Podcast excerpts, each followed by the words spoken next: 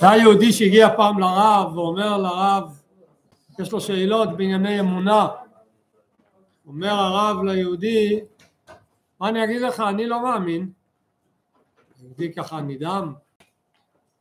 הרב? אומר כן, אני לא מאמין. חוזר עוד הפעם. אומר לרב, אני לא מאמין, אני יודע. האם ידיעה ואמונה אילו דברים סותרים? האם אפשר לשלב ביניהם? האם האדם המאמין צריך להיות נאיבי, לא, לא, לא לומד ולא יודע כלום? אדם שיש לו ראש טוב הוא מבין, יש לו בעיה באמונה? איך הולכים פה עם שני הדברים יחד, להיות מאמין בכל התוקף, להיות מבין בכל האפשרויות? איך הולכים בשילוב הזה? על זה אנחנו נקבל בעזרת השם אה, מענה בשיעור היום. אנחנו נמצאים במסגרת השיעור בלימוד של החלק הרביעי בתניא באמצע האיגרת הראשונה, איגרת א' בדף קב עמוד מספר 203 ניתן איזשהו אה, תזכור את מה שלמדנו נרחיב את העניין ונגיע לנקודה שאיתה פתחנו. העניין אה, מבוסס על פסוק שאומר שלמה המלך באשת חיל חגרה בעוז מותניה ודיברנו על כך שיש מותניים ויש חגורה למותניים ומהי החגורה של המותניים? עוז למה צריך לחגור את המותניים? מה תפקיד המותניים? כמובן ברוחניות. אז בגשמיות קודם כל אנחנו יודעים שהמותניים מחזיקים את הגוף, כל היציבות, נותן לו אפשרות לעמוד על הרגליים, נותן יציבות גם לראש, מוליך אותו למחוז חפצו כשהמותניים בריאים, והמותניים צריך שהם יהיו דפוסים טוב, שיהיה לו את היכולת לתפקד כמו שצריך. ברוחניות המותניים זה אמונה. אמונה של יהודי זה המותניים. זה מחזיק לו את הראש ואת הידיים, את הרגליים, מחזיק את כולו. ברוחניות מה זה הראש, מה זה הזרועות, שהכל בעצם מבוסס על התפיסה, על המותניים. הראש זה ההבנה, הלימוד, הזרועות נלמד עליהם היום זה הרגשות, כמו שכתוב בפתח אליהו, חסד דרוע ימינה, גבורה דרוע שמאלה, זרוע ימין זרוע שמאל זה אהבת השם ויראת השם. היציבות לכל החלק הזה בנפש תלוי באמונה. באמונה עצמה אמרנו שיש בה פרטים, דיברנו על זה בשיעור קודם, לא נחזור על הכל, ממלא כל העלמין, סובב כל העלמין, כן? אדם מתבונן בכל זה ואז הוא מגיע לתובנה העיקרית הקדוש ברוך הוא גדול, הוא עצום, הוא רחב, הוא אינסופי, הוא בלתי מוגבל. ובכל זאת הוא בחר בנו, בעם ישראל ונתן לנו את האפשרות להתחבר אליו ממש וירם קרן לעמו, אמרנו. כל העולמות מקבלים זי והערה, אנחנו קיבלנו תורה ומצוות ודרכם אנחנו מתחברים אליו ממש. והתובנה הזו מבוססת על האמונה מה היא גורמת לאדם? גורמת לאדם התרגשות עצומה. אני יכול להתחבר ממש לקדוש ברוך הוא, אני לא רוצה לפספס מצווה, לא רוצה לפספס מעשה טוב, זה מה שיגרום לי את החיבור. ופה בנקודה הזו נסיים את החלק הזה באיגרת, לפני שניגע במה שפתחנו, זה נמצא ממש בשורה האחרונה של דף קב עמוד א', עמוד 203 למטה, אז הוא אומר אחרי שאתה מתבונן בכך שהקדוש ברוך הוא נתן את כל כולו אלינו וכמים הפנים. זה פסוק גם כן משלמה המלך. כמים הפנים לפנים כן לב האדם אל האדם. כמים הפנים זה משל שהוא כמו מראה. כמו שאתה מסתכל במים אז מה שאתה מראה את הפנים שאתה מראה במים זה הפנים שהמים מראים לך. הפנים הללו שהקדוש ברוך הוא מראה לך שהוא מקרב אותך, את היהודי, מאפשר לך להתחבר אליו, אז כמה עם הפנים גם אתה מגיב אותו דבר. להוליד מתבונה זו מה התובנה הזו תגרום לך, מה היא תעורר אצלך, דחילו ורחימו, אהבה ויראה, שכליים או טבעיים, כאן הוא לא מעריך בזה, הוא מזכיר את זה רק במילה אחת, היה לנו את זה בחלק הראשון של התניא, יותר אריכות, מה זה אהבה ויראה טבעיים ומה זה אהבה ויראה שכליים, נגיד את זה במילה אחת, כל יהודי בטבע היהודי, באינסטינקט היהודי, יש לו מה שנקרא המצפון היהודי, יש לו אהבה ויראה שקיימת אצלו, רק היא לא תמיד גלויה, לא תמיד מורגשת. צריך לגרד אותה, לגרד את האבק, להוריד קצת את ההפרעה, איך אתה מגרד אותה? אתה מתבונן בגדלות השם, אתה מתבונן בדברים שהם קרובים אליך, ואז אתה מתעורר, כי זה קיים אצלך, זה כמו שאתה צריך רק אה, לנפנף על הגחלים שהם נראים לך קבועים ופתאום אתה רואה שהם אה, דלוקים, ככה אותו דבר ברגע שלנו, זה נקרא אהבה ויראה טבעיים.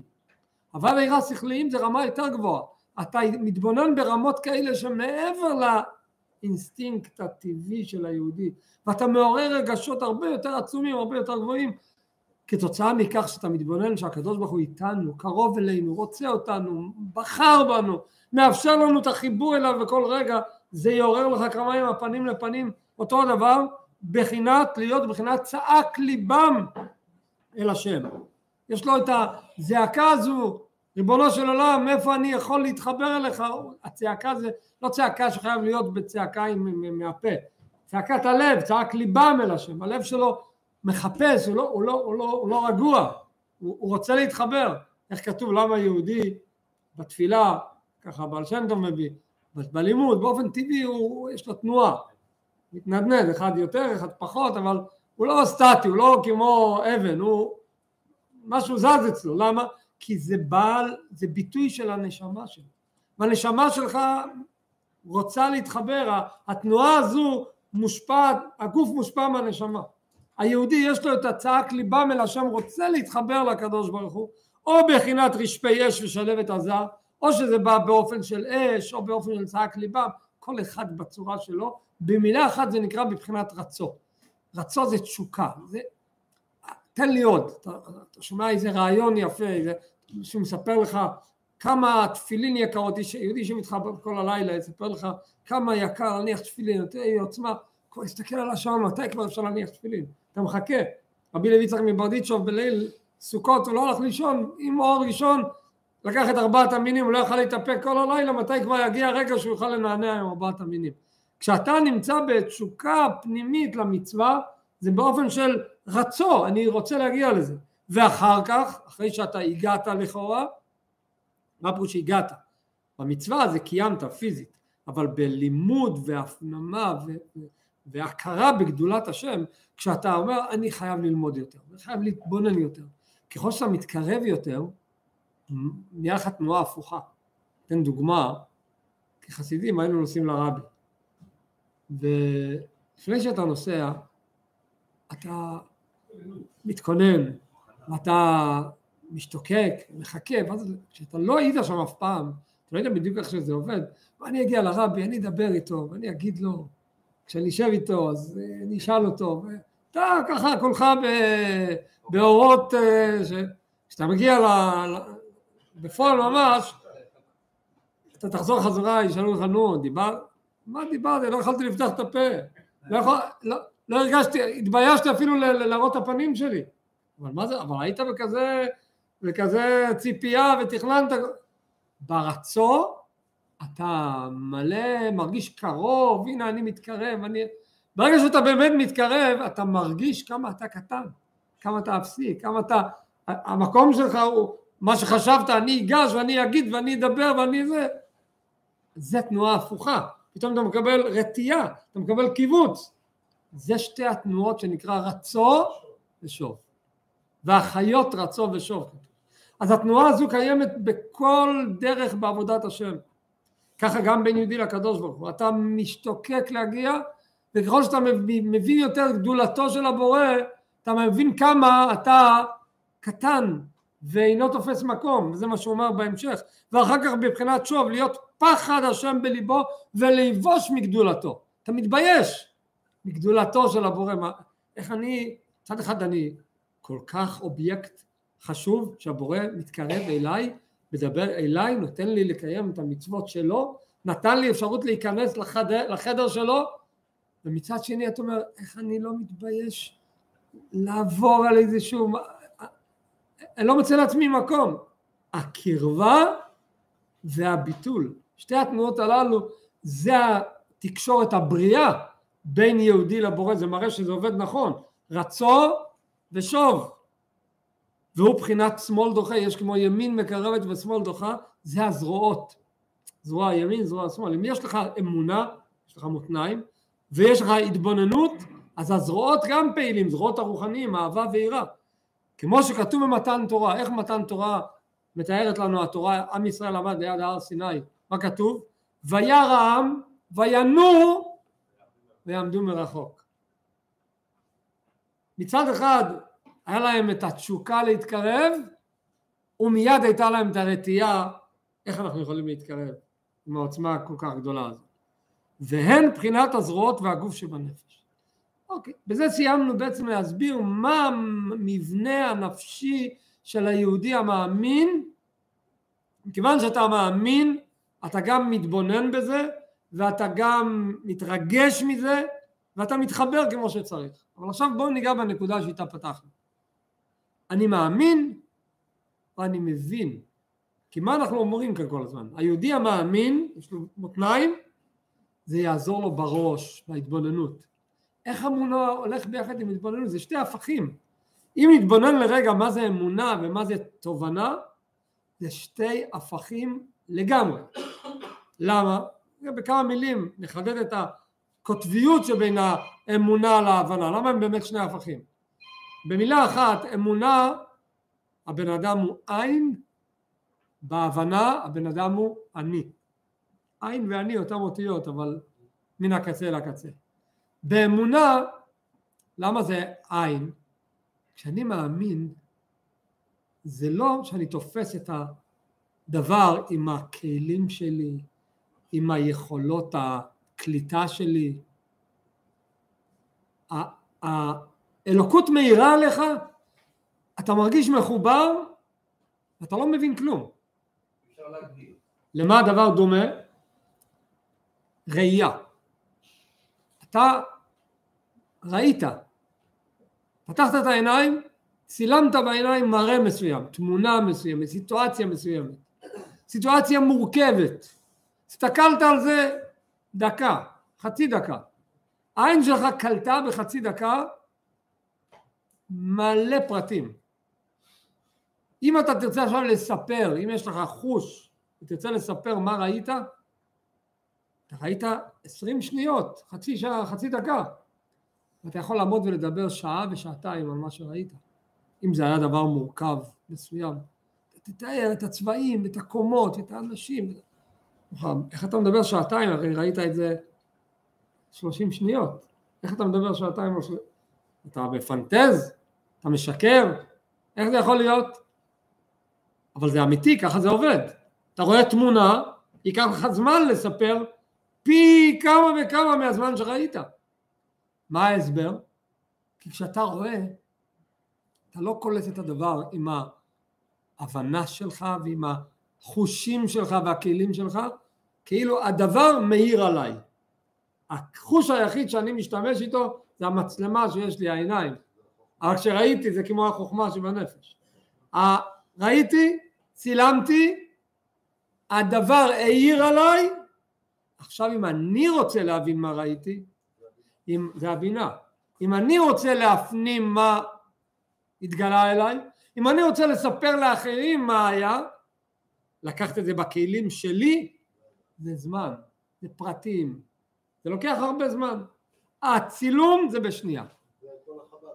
נכון, נכון, חוכמה, בינה, ראייה זה חוכמה, והבינה זה, זה השמיעה. וזה בדיוק מה שאנחנו מדברים כאן, אמונה, למה היא דומה? לראייה. אני מאמין, זה לא עם הכלים שלי. אני מאמין, אני קולט את הדבר, לא בכלים שלי, באין סוף. כי אני יהודי, יש לי נשמה, אני מחובר לבורא, ולכן אני מאמין. אז האמונה זה קליטה של אין סוף. הבנה זה בדיוק הפוך. הבנה זה בוא נראה מה יכול מהאין סוף הזה לרדת לתוך החמש אה, סנטימטר על חמש סנטימטר או פחות, מה יכול להיכנס בתוכו. לקחת את האין סוף, להכניס אותו בתוך ההבנה, איך אפשר? איך אפשר להכניס, הרי כשתבין, כמה תבין כבר? כמה אדם מבין? כל אחד ברמה שלו, אבל ההבנה שלך לעולם לכאורה לא יכולה לתפוס את האמונה שקולטת את האין סוף של הדבר. אז לכאורה אמונה והבנה הם שתי הפכים. ופה מה אנחנו אומרים? יש לך מותניים, יש לך אמונה, יהיה לך גם ראש טוב, יהיה לך גם יציבות במערכת הפנימית שלך. דהיינו האמונה תחדור לך במערכת, אתה תבין ותקלוט במערכת שלך את האין סוף של האמונה. איך מחברים אין סוף של אמונה לתוך המערכת שלך? איך הדברים האלה הולכים ביחד? הרי זה שני הפכים, הרי אין סוף לא יכול להיכנס לתוך כוס, אז איך זה עובד? פה צריך כוח מיוחד. כוח מיוחד, סגולה מיוחדת, דרך ייחודית שיאפשר לנו לחבר בין הבלי גבול לגבול בצורה מעניינת. הבלי גבול יישאר בלי גבול והגבול יישאר גבול. כי אם הגבול של השכל יפרוץ את הגבולות שלו, אז מה יקרה לאדם? זה עלינו. אז אנחנו רוצים שיישאר אדם מבין, נורמטיבי, לומד, קולט, אבל מה ייכנס בתוך ההבנה שלו? האין סוף האלוקי. איך מחברים בין האין סוף לגבול? איך החיבור הזה? פה בא אדמו"ר זקן ואומר המותניים צריכים לחגור אותם, צריכים לתת להם כוח. למה הם צריכים כוח? כי הם עובדים מאוד קשה המותניים ברוחניות. המותניים זה אמונה והם צריכים להחדיר את האמונה בשכל. האין סוף בתוך הגבול. איך עושים את זה? אם לא תיתן למותניים את הכוח לעשות את זה, זה לא יקרה. על זה אנחנו פה נראה בחלק הבא באיגרת, פה אנחנו ניתן את התשובה איך נותנים למותניים את הכוח. בדיוק, על זה אנחנו לומדים. שבוע אנחנו נציין בעזרת השם יום ההולדת, יום הולדתו של הרבי הרייץ, גם יום הגאולה של הרבי הרייץ. סיפור מדהים, מרגש מאוד. הרבי הרייץ, רבי יוסף יצחק, הרבי השישי של אדמו"רי חב"ד, כשהוא היה בגיל 15, יום הולדתו י"ב תמוז. לילה לפני יום ההולדת באותה שנה, היה, זה היה בשנת תרנ"ה, ביום רביעי בלילה, באותם ימים האבא של הרבי הרייץ היה הרבי בעצמו, הרבי החמישי של חב"ד, הרבי הרש"ב. הוא היה ביחד עם בנו מחוץ לעיר, מחוץ לעיירה לובביץ', הם היו מחוץ לעיר. בלילה אומר האבא לבנו, אומר הרבי הרש"ב לבנו, בחור בן 15, מחר תקום מוקדם לפנות בוקר בחמש בבוקר, נלך לטבול בנהר ועולים לעגלה ונוסעים. לאן? לא שואלים שאלות, אבא אומר עושים. הוא קם בבוקר בחמש בבוקר, הרבי הרייץ קם בחמש בבוקר עם אבא שלו, הלכו לטבול, עלו לעגלה והעגלה מתקדמת ונוסעים לעיר, לעיירה לובביץ', איפה שבעצם הם היו גרים. הרבי הקודם רואה שאבא שלו נסע ללובביץ' וזה היה בזמן שהוא היה מחוץ למקום כי הוא נסע לענייני רפואה והוא היה חוזר לשם רק בזמנים קבועים והוא, מת, והוא מתחיל לדאוג, הרבי הקודם אומר אבא אנחנו חוזרים עכשיו לא בזמן המתוכנן אז הסבתא תדאג מה קרה שהגענו, קרה משהו? אז האבא אומר לו אל תדאג, היא יודעת. טוב, נוסעים נוסעים עם העגלה והסוס, מגיעים לבית של הרבי הרש"ב, האבא עם הבן, מגיעים לבית של הסבתא, נכנס לאימא שלו, דיבר כמה רגעים, אומר לבן שלו ממשיכים, לאן הוא לקח אותו? לבית העלמין. בבית העלמין היה הציון הקדוש של שני אדמו"רי חב"ד שקדמו. האדמו"ר השלישי והרביעי, מה שמכונים הרבי הצמח צדק והרבי מהר"ש, הציון שלהם נמצא בלובביץ'. זכיתי להיות שם במקום הזה. הוא לוקח אותו לציון, ליד הציון יש בית כנסת צמוד, עד היום הזה, ממש בפתח שיוצאים לציון של הרבי הצמח צדק והרבי מהר"ש, יש ממש צמוד חדר עם בית כנסת, הוא לוקח אותו לשם, פותח את ארון הקודש, הרבי עכשיו, שם את שתי ידיו על הבן ואומר לו שאברהם אבינו לקח את בנו לעקדה והיום אני כורת איתך ברית ואני מכניס אותך לעקדה אני מכניס אותך לעבודת הקודש. הוא היה בגיל 15 ברוסיה של אז היה עבודת מסירות נפש. הוא הכניס אותו לעבודת הקודש אז באותו מעמד ליד ה... הוא אומר פה נמצאים הסבא והגמורים הקודמים בנוכחותם אני מכניס אותך לעבודת הקודש ואז הוא ישב ללמוד איתו את האיגרת הזו חגרה בעוז מותניה או מעתניה והוא אמר לו שיש את המותניים את המותניים צריך לחגור בעוז מה זה עוז? במסירות נפש להתמסר במסירות נפש לעבודה זה העוז שנותן כוח למותניים סיפור מדהים שהיה עם הרבי הרייץ בגיל 15. אנחנו נחזור לענייננו, מה זה העוז שעליה מדבר כאן נתניה אדמו"ר הזקן? מה זה העוז? מה זה הכוח הזה שנותן כוח למותניים להעמיד את כל המערכת, את כל הזרועות והראש. אז הוא אומר ככה, ונזכור מה הנקודה שאנחנו רוצים להבין, איך מחברים בין האין סוף של האמונה למסגרת המוגבלת לכאורה של ההבנה. אז נקרא את לשון אדמו"ר הזקן בתניא. הוא אומר ככה, אך מי הוא הנותן כוח ועוז לבחינת מותניים? מי יכול לתת כוח למותניים, עוצמה למותניים? להעמיד ולקיים הראש והזרועות, שעל ידי זה הראש יהיה חזק, ההבנה שלו תהיה תפוסה כמו שצריך, והזרועות, דהיינו הרגשות של רצו ושוב יהיה כמו שצריך, אז מאוד מעניין מה מחזק את האמונה שתחזק את המערכת, הוא עסק ולימוד הלכות בתורה שבעל פה. לימוד הלכות, לימוד הלכות בתורה שבעל פה, הוא מחזק את האמונה. מעניין מאוד. לימוד מחזק את האמונה שתחזק את הלימוד, מה? ודווקא הלכות, ואם אדם ילמד חלק אחר בתורה, עוד שורה. מה מיוחד בהלכות? שהיא בחינת גילוי רצון העליון. הרצון, בואו נדבר רגע עלינו, בני אדם, במשל. הכוח הכי חזק והכי פנימי בנפש זה רצון. אם אדם בא ללמוד משהו, אומרים לו חז"ל, לעולם ילמד אדם איפה שליבו חפץ. דהיינו, הרי אתה בא ללמוד שכל, מה זה משנה איפה החפץ שלך להיות? אם אתה רוצה להיות שם, אתה גם תבין יותר טוב, תתחבר יותר טוב. הרצון הוא ה... אין דבר העומד, אומרים, לפני הרצון. רצון הוא החלק הכי פנימי.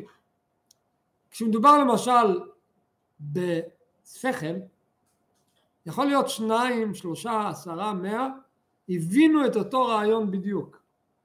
ראובן הבין את הרעיון, ושמעון הבין את הרעיון, ולוי הבין את הרעיון. הרעיון הוא אותו רעיון אצל כולם. אבל ברצון, כשראובן רוצה, ושמעון רוצה, ולוי רוצה, לכל אחד זה הרצון שלו. רצון זה הטיית הנפש. רצון זה החלק הכי פנימי בנפש. זה אצלנו. כביכול אצל הקדוש ברוך הוא. יש את הרצון של הקדוש ברוך הוא. מה הוא רוצה? יש את ההבנה שהקדוש ברוך הוא מגלה לנו את החוכמה שלו, את הבינה שלו, ויש שהקדוש ברוך הוא מגלה לנו את הרצון שלו, מה הוא רוצה. איפה אנחנו יכולים להיפגש עם הרצון של הקדוש ברוך הוא? איפה אנחנו יודעים מה הוא רוצה? אם נלמד תורה שבכתב, נלמד חומש, נדע מה הקדוש ברוך הוא רוצה? לא נדע. מה פה שלא נדע? אתה לומד חומש, אתה לומד פסוקים, אתה לומד הלכות, אתה לומד וקשרתם לאות על ידיך והיו לו תותפות בין עיניך. איזה מצווה זו? תפילין. נו, אתה יודע מי הפסוק הזה, איך מניחים תפילין? אתה יודע מה הפסוק הזה, איך צריך להיראות התפילין? איזה צבע? מה כותבים? משהו אתה יודע מזה? שום דבר. איפה אתה צריך ללמוד כדי לדעת מה הקדוש ברוך הוא רוצה? הלכות, תורה שבעל פה. וכל מצווה, אין אפילו מצווה אחת. פסוקות ישבו שבעת ימים, פסוק בתורה, אבל אני לא אלמד את ההלכה, אני לא יודע איזה סוכה היא כשרה. ושום דבר, לא מזוזה ולא שבת, שום דבר אתה לא יכול לדעת בלי תורה שבעל פה. דהיינו, אתה רוצה לדעת את הרצון של הקדוש ברוך הוא, מה הוא רוצה, תלמד הלכות, תורה שבעל פה. רצון זה הדבר הכי עליון, הכי עמוק, הכי אינסופי בבורא. הרצון של בורא עולם. אם אצלנו בנפש הרצון הוא הדבר הכי חזק, אין דבר העומד בפני הרצון, אצל הבורא רצון זה הדבר, זה האלוקות בעצמה, הרצון שלו. אז כשאתה לומד הלכות, כשאתה לומד את הרצון שלו, קיבלת את האין סוף אצלך. מה זה מחזק? האין סוף של הרצון? את האמונה שלך, שזה יחזק את התובנה שלך. רק לימוד הלכות, ולא סתם לימוד, לא לקרוא רגל על רגל. הוא אומר את הלשון עסק ולימוד הלכות. אתה צריך לעסוק בזה, להיות מונח בזה, להיות אכפתי בזה. כשאתה עוסק ולומד הלכות בתורה שבעל פה, שהיא בחינת גילוי רצון העליון, זה מביא לך חיזוק למותניים. איך? באמונה, אנחנו מאמינים שככה זה. אחרי הכל זה אמונה. אבל האמונה אומרת לנו, תלמד הלכות, האמונה שלך תתחזק. דאורייתא אמנם מחוכמה היא דנפקא, התורה, ההפקה שלה, הגילוי שלה זה בחוכמה, אבל מקורה ושורשה, מה המקור והשורש של התורה? הוא למעלה מעלה מבחינת חוכמה. התורה היא יותר גבוהה מהחוכמה. חוכמה זה רק הצורת ביטוי של התורה. התורה התגלתה על ידי חוכמתו יתברך. אבל מה המקור של, של התורה? זה הרצון. והוא הנקרא בשם רצון העליון. ולכן לימוד ההלכות, לימוד רצון העליון, הוא זה שמעצים את האמונה של היהודי. כמו שכתוב, כמו שהפסוק אומר, קצינה רצון תעטרנו. מה זה נקרא קצינה רצון תעטרנו? צינה זה לא קור. צינה זה מגן. חייל נמצא במלחמה, אז היה לו בעבר, היה מגן פיזי שמגן עליו מהחיצים והחרבות שהיה אה, של, מתכת שהוא לא ייפגע. אז הצינה מקיפה את האדם, מסובבת את האדם בעת שהוא במלחמה. אז אומר הפסוק, הרצון האלוקי תעטרנו, תעטרנו, הפשט תעטרנו, תסובבנו, תקיף אותך כמו שהצינה מקיפה את החייל. אז הרצון האלוקי הוא, הוא הלשון הוא לא תסובבנו, תעטרנו. ויש עוד משמעות למילה תעטרנו. תעטרנו, מה המילה עטרה? מה זה עטרה? כתר. אז בכוונה הפסוק אומר תעטרנו כדי להדגיש כעטרה שהיא על המוחין שבראש. הרצון הוא כמו כתר על הראש. הראש זה השכל, הרצון זה מעל השכל. זה עטרה שמעל הראש. מה ההבדל בין עטרה, כתר, לכובע?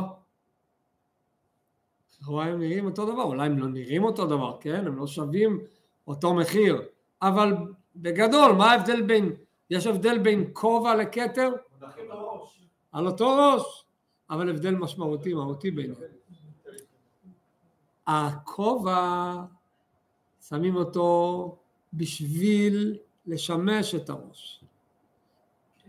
והכתר שמים אותו בשביל לייפות את הראש. והנפקמינה הוא שהכובע הוא נחשב יותר נמוך מהראש, הוא משרת את הראש. אז פיזית הוא על הראש, אבל הוא בא לשרת את הראש. בא להגן עליו מקור, מחום, מגשם. הכתר לא בא להגן על הראש, לשמש את הראש, הוא בא לייפות את הראש, אז הוא מעל הראש. עטרה זה מעל הראש. הרצון האלוקי הוא מעל הראש, כביכול האלוקי. יש עשר ספירות, הספירה הראשונה חוכמה, הרצון הוא מעל החוכמה, הוא הכתר. אז אם אתה רוצה להתחבר לאין סוף הבלתי מוגבל האלוקי, איפה תמצא את האין סוף האלוקי? בח, ב, בהלכות, בתורה שבעל פה. שזה נאמר, שמע בני מוסר אביך ואל תיטוש תורת אמך, אומרים שזה תורה שבכתב ותורה שבעל פה. תורה שבעל פה מגלה, היא מרחיבה למה היא נקראת אמך. כמו האימא שגורמת לעובר להתפתח, שיהיה לו רמ"ח איברים ושסה גידים, ככה התורה שבעל פה לוקחת את הפסוק הפתמים שכתוב בסוכות ישבו שבעת ימים, מפתחת לך אותה למסכת שלמה, מסכת סוכה, עם הרבה פרטים והרבה דפים והרבה הלכות, זה האימא, זה הפיתוח, אבל הפיתוח הזה מגלה את הרצון של הקדוש ברוך הוא המדויק. וכנודע ממה שכתוב על פסוק, אשת חיל עטרת בעלה. אשת חיל עטרת בעלה. האישה היא עטרת של בעלה. הבעל הוא המשפיע, האישה היא המקבלת, והפסוק אומר האישה היא בעצם עטרת בעלה, היא מעליו. בנמשל בתורה מה הכוונה? תורה שבכתב נקרא הבעל, אביך, האבא. תורה שבעל פה זה אימך, זה האימא, זה האישה. האישה היא עטרת בעלה, זה הכתר שמסביר את הרצון האלוקי שנמצא בתורה שבכתב. אז האשת חיל המקבל, התורה שבעל פה, היא הרבה יותר נעלית, היא נוגעת בנקודה, היא נוגעת ברצון. כמו שנאמר בחז"ל, כל השונה הלכות בכל יום, מובטח לו שהוא בן עולם הבא, זה נאמר דווקא להלכות, למה? מהסיבה הזו, כי ההלכות נוגע באין סוף של, של הבורא, וזה מחזק את האמונה. אדם שמרגיש חולשה באמונה, תלמד הלכות, תעסוק בלימוד הלכות. מה העיסוק בהלכות אומר? לא מה אני רוצה, מה הקדוש ברוך הוא רוצה. כשאתה לומד חלק אחר בתורה זה מה אני מבין פה, איך אני מבין, מה אני שואל, ומה אני מתרץ, ושקלא וטריא ופלפולים. אבל כשאתה לומד הלכות אתה מתחבר למה הקדוש ברוך הוא רוצה. זה משהו אחר לגמרי, זה משהו הרבה יותר פנימי, משהו הרבה יותר אלוקי. זה לימוד עם התבטלות. היה פעם הרבי הקודם מספר באחד מה... מהקוטעי דיבורים אני חושב, באחד המקומות הוא מספר על אדם מסוים שקראו לו רבי אלישע. היה גאון גדול, אחת העיירות. למד גמרא והגיע לאיזה פירוש רש"י מסוים, והוקשה לו פירוש רש"י, לא הסתדר לו. הלך לשאול את כל הגאונים בעיר, כל אחד הסביר משהו אחר, והוא היה נראה לו דרך אחרת. ואז הוא קם ואמר, רש"י אומר מה שהוא אומר, אבל אני חולק על רש"י, אני אומר אחרת. ואנשים לא, לא, לא, לא קיבלו אותו, מה זה פירוש שאתה חולק על רש"י?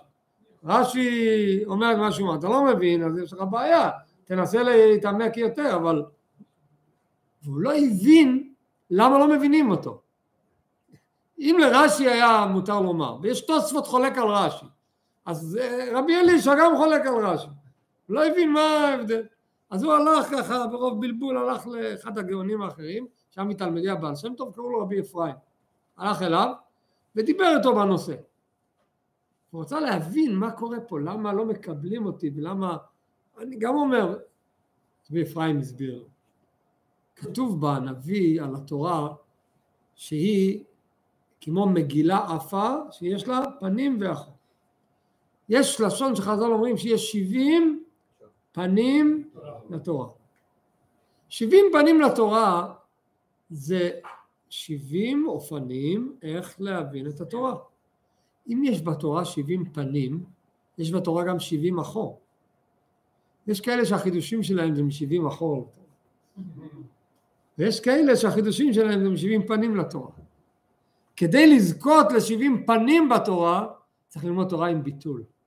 צריך ללמוד תורה עם, עם התבטלות לרצון האלוקי. אתה יכול לכוון לפנימיות של הבורא, ואז אתה תכוון להגיד, ותן חלקנו בתורתך, תכוון להגיד משהו מסוים, וזה יהיה אמיתי, כי אתה אומר את זה עם ביטול. אבל אם חסר לך את הביטול, אתה אומר משהו, וזה עוד מאוד נשמע מעניין, אבל זה, זה, זה, זה בא מה-70 אחור לתורה, לא מ-70 פנים. זאת אומרת, מה מביא אותך להתבטל זה הלכות. כשאתה לומד מה הוא רוצה, לא מה אני רוצה, מה הקדוש ברוך הוא אומר כאן. והעיון בהלכה מחזק אצל יהודי את האמונה בקדוש ברוך הוא. ובמילא מחזק אצלו שאחר כך כשהוא ילמד, הוא ילמד נכון. הראש יהיה יציב. למה הראש יציב? כי המותניים יציבים. למה המותניים יציבים? כי הם חגורים. איך הם חגורים? בעוז. ומה זה עוז? תורה שבעל פה לימוד הלכות. זה מה שהוא מסיים ואומר. וזהו חגרה בעוז מותניה, נקרא את הלשון בפנים. אין עוז אלא תורה, שהיא נותנת כוח ועוז לבחינת מותניים החגורים ומלובשים בה. התורה נותנת חיזוק למותניים. לחזק ולאמץ מה יתחזק אם המותניים יהיו חזקים. מה זה יחזק? זרועותיה. מה זה הזרועות אמרנו קודם?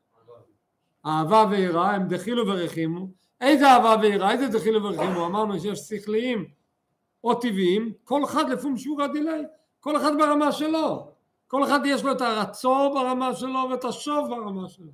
אבל לכל אחד יש את זה. מתי שיש לו זרועות? כשיש לו מותניים, כשיש לו תורה, הלכות. מה זה שרשרת שאי אפשר לדלג על השלבים. אי אפשר להגיע לחיבור לאין סוף, כי אם אתה לא תכניס את האין סוף בחוכמה שלך, תהיה חוכמה מוגבלת. שכל שלך, זה יהיה אחור. אתה רוצה להיות מחובר לאמת, תהיה מחובר לאין סוף. להיות מחובר לאין סוף זה חייב להיות עם אמונה שיש לה עוז שחוגרת.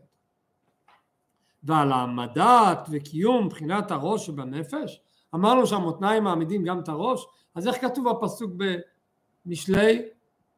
זה הרי הולך אשת חיל לפי א' ב'. הפסוק שעליו אנחנו מדברים זה אות ח', חגרה בעוז מותניה ותאמץ זרועותיה. אנחנו דיברנו אבל שיש גם ראש, איפה הראש נמצא פה? זה הפסוק הבא, טעמה כי טוב שכרה. מה זה טעמה כי טוב שכרה? טעמה, טעם, זה לא רק טעם בחך. טעם זה גם טעם בראש, הבנה. ועל העמדת וקיום בחינת הראש שבנפש הוא השכל המתבונן אמר טעמה יש לו גם טעם למה? כי טוב שכרה מה זה טוב שכרה? סחור מה זה סחור?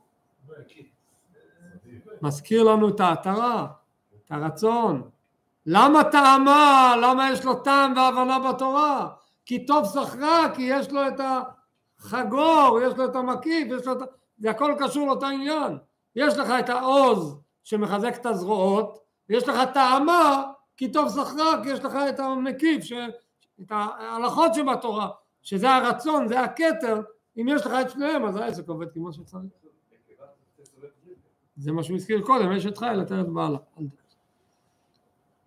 מסיים אבל האדמו"ר הזקן ואומר, אוקיי, אז הבנו איך מחזקים את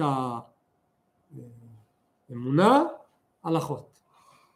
יש אבל זמן מיוחד ביום, שהוא זמן מיוחד שבו אפשר לשדרג את האמונה, לחזק את האמונה. מהו הזמן ביום שאפשר לעשות את זה? הרי מה אנחנו, איך אנחנו מחזקים את האמונה, אמרנו, מה הקוד, איזה נקודה אנחנו רוצים להעצים אצלנו? בתורה, איזה חלק בתורה? הלכות. למה הלכות? כי מה מתגלה בהלכות?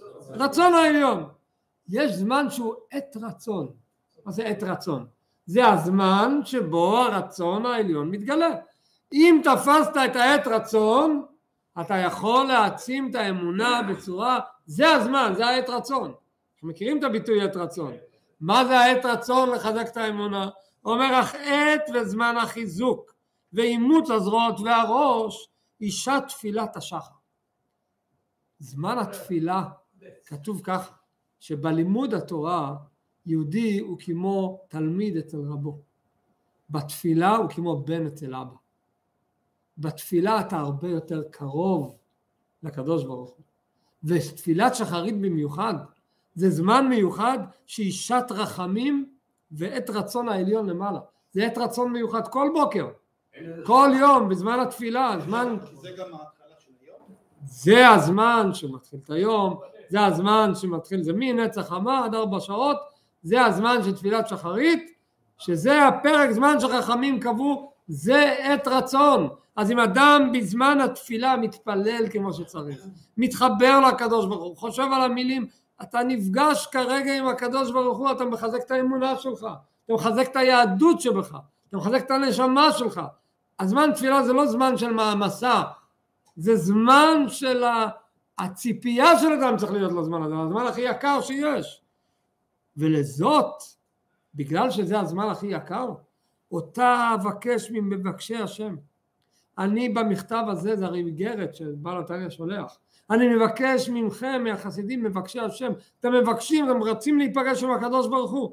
יבינו וישכילו יחדיו, שבו יחד, תלמדו את האיגרת הזו ביחד. ולהיות לזיכרון בין עיניהם, מה, כל מה שכתבתי עליהם אשתקד בכלל. תזכרו מה שכתבתי לכם בשנה שעברה, מה שהוא כתב להם בשנה שעברה זה האיגרת האחרונה בסוף התניא, אנחנו נגיע לזה בהמשך. שנה קודמת הוא כתב להם מכתב מאוד חריף עד כמה התפילת שחרית צריכה להיות בצורה רצינית ואיטית ובמתינות. אז הוא אומר, תזכרו את זה, זה הזמן, אל תפספסו את העת רצון הזה. ובפרט מעניין כוונת התפילה. במיוחד לא רק להגיד את המילים כטקסט, שהתפילה תהיה עם הכוונה מאומקא דליבה, יום יום ידרשון השם בכל ליבם ובכל נפשם. כל בוקר תיפגשו עם הקדוש ברוך הוא. כל בוקר יש לכם את העת רצון, את היחידות עם בורא עולם בזמן התפילה, ונפשם תשתפך כמים נוכח פני השם. התפילה תהיה אצלך בהשתפכות הנפש, בתשוקה פנימית, בתשוקה אמיתית. יש, כל אחד עושה את השתפכות הנפש בדרך שלו, באופן שלו, כמו שאמרנו קודם, כל אחד לפי שיעור הדיליי. יש, שמעתי פעם, יש חסידות מסוימת, כמו חסידות קרלין. אני זוכר בילדות, היה להם בית כנסת לא רחוק מהבית שלי, אצלם התפילה נעשית בשאגות. צעקות, שאגות, ממש כל העקרונות. פעם הגיע מישהו להתארח אצל אחד מהחסידים, אבל לפני שבת הוא רוקן את הכיסים, שלא יהיה לו מוקצה, הוא רוקן את הארנק, אמר לבעל בית, תשמור לי על זה, ובוא נלך ביחד לבית כנסת. הלך לבית כנסת והוא שומע תפילה, שאגות, צעקות, הוא לא הבין, הוא לא ראה אף פעם ככה. אחרי השבת ככה, או אחרי התפילה בדרך הביתה, הוא אומר לו, למה אתם צועקים, מה יש צועקים? מה, ניסיתם בטובות? נתחיל עכשיו בצעקות? למה צועקים? אמר לו, עוד נדבר על זה. אחר אותו, מחרת בבוקר עוד פעם, קיצור, ככה עד צאת שבת. צאת שבת אמר לו, נו תסביר לי מה העניין של הצעקות, זוכר אותו ככה. טוב, ההוא רוצה להיפטר, לנסוע הביתה, אז הוא בא לאסוף את החפצים שלו. אז הוא בא לבעל הבית ואומר לו, איפה הארנק שהבאתי לך? ארנק? על מה אתה מדבר? לא האמין למשמע אוזניו, יש לו שם ארנק עם אה, הון עתק, עם כל ה... ארנק נתתי לך ביום שישי, עמד... מה אתה מדבר? ואז הוא התחיל לצעוק, מה הארנק שלי? מה אתה לוקח לי את הארנק? אמר לו, מה אתה צועק? אתה לא יכול לדבר בנחת? אז מה, כי זה נוגע לי, זה אכפת לי. אמר, זו התשובה לתפילה שלי. המחיש לו את העניין. זאת אומרת, התפילה צריכה להיות עם אכפתיות, כל אחד יבטא אותה איך שהוא מבטא אותה, אבל זה מה שהוא אומר, בכל ליבם ונפשם תשתפך כמים נוכח פני השם. ואמרו רז"ל בספרי, רז"ל מסבירים בספרי מה זה נקרא תפילה, תשתפך כמים עם כל הנפש, עד מיצוי הנפש. להתפלל עד מיצוי הנפש, מה זה עד מיצוי הנפש? עד שיצא המיץ. מה פירוש שיצא המיץ? יש אה, חביות, חביות מעץ, שמעמיסים בתוכו יין או שמן או מה, ובין החריצים של החבית יוצאים אה, טיפות. אבל אם החבית החדשה תתמלא ככה, ימלאו אותה באיזי וזהו, לא יצא מה, מהצדדים כלום. אם אתה ממלא וממלא ודוחס וסוגר את הפקק ככה בקושי, אז בדרך ממילא החריצים יצא משם אמיץ, הוא אומר, התפילה שלך צריכה להיות כזו עד מיצוי הנפש. כדי שיצא המיץ אתה צריך להתמלא ולהתמלא ולהתמלא, עד כדי שיהיה המיץ שיוצא מזה. זאת אומרת, התפילה צריכה, אדמו"ר הזקן רוצה שיהודי ינצל את הרצון הזו להתחבר לקדוש ברוך הוא באמת, להתחבר בפנימיות, כדי שהאמונה תהיה חזקה, כדי שכל המערכת תהיה כמו שצריך, נעשה את זה כמו שצריך, כל אחד בדרכו שלו, אז הנה יש לנו תשובה על השאלה, אז יש לנו תפילה, יש לנו אמונה ויש לנו הבנה, יש סתירה ביניהם? אין סתירה ביניהם, אנחנו יכולים לחבר את האמונה לתוך ההבנה, וככל שאנחנו נבין יותר, אנחנו יכולים את האמונה לשדרג עוד יותר, ואז אנחנו נבין יותר ונעלה עוד יותר. כמובן אם נלך בדרך שהוא יעץ לנו, או בלימוד ההלכה, וגם, לא או, וגם בניצול זמן תפילת אה, שחרית אה, כל, כל, כל יום, כל הזמן.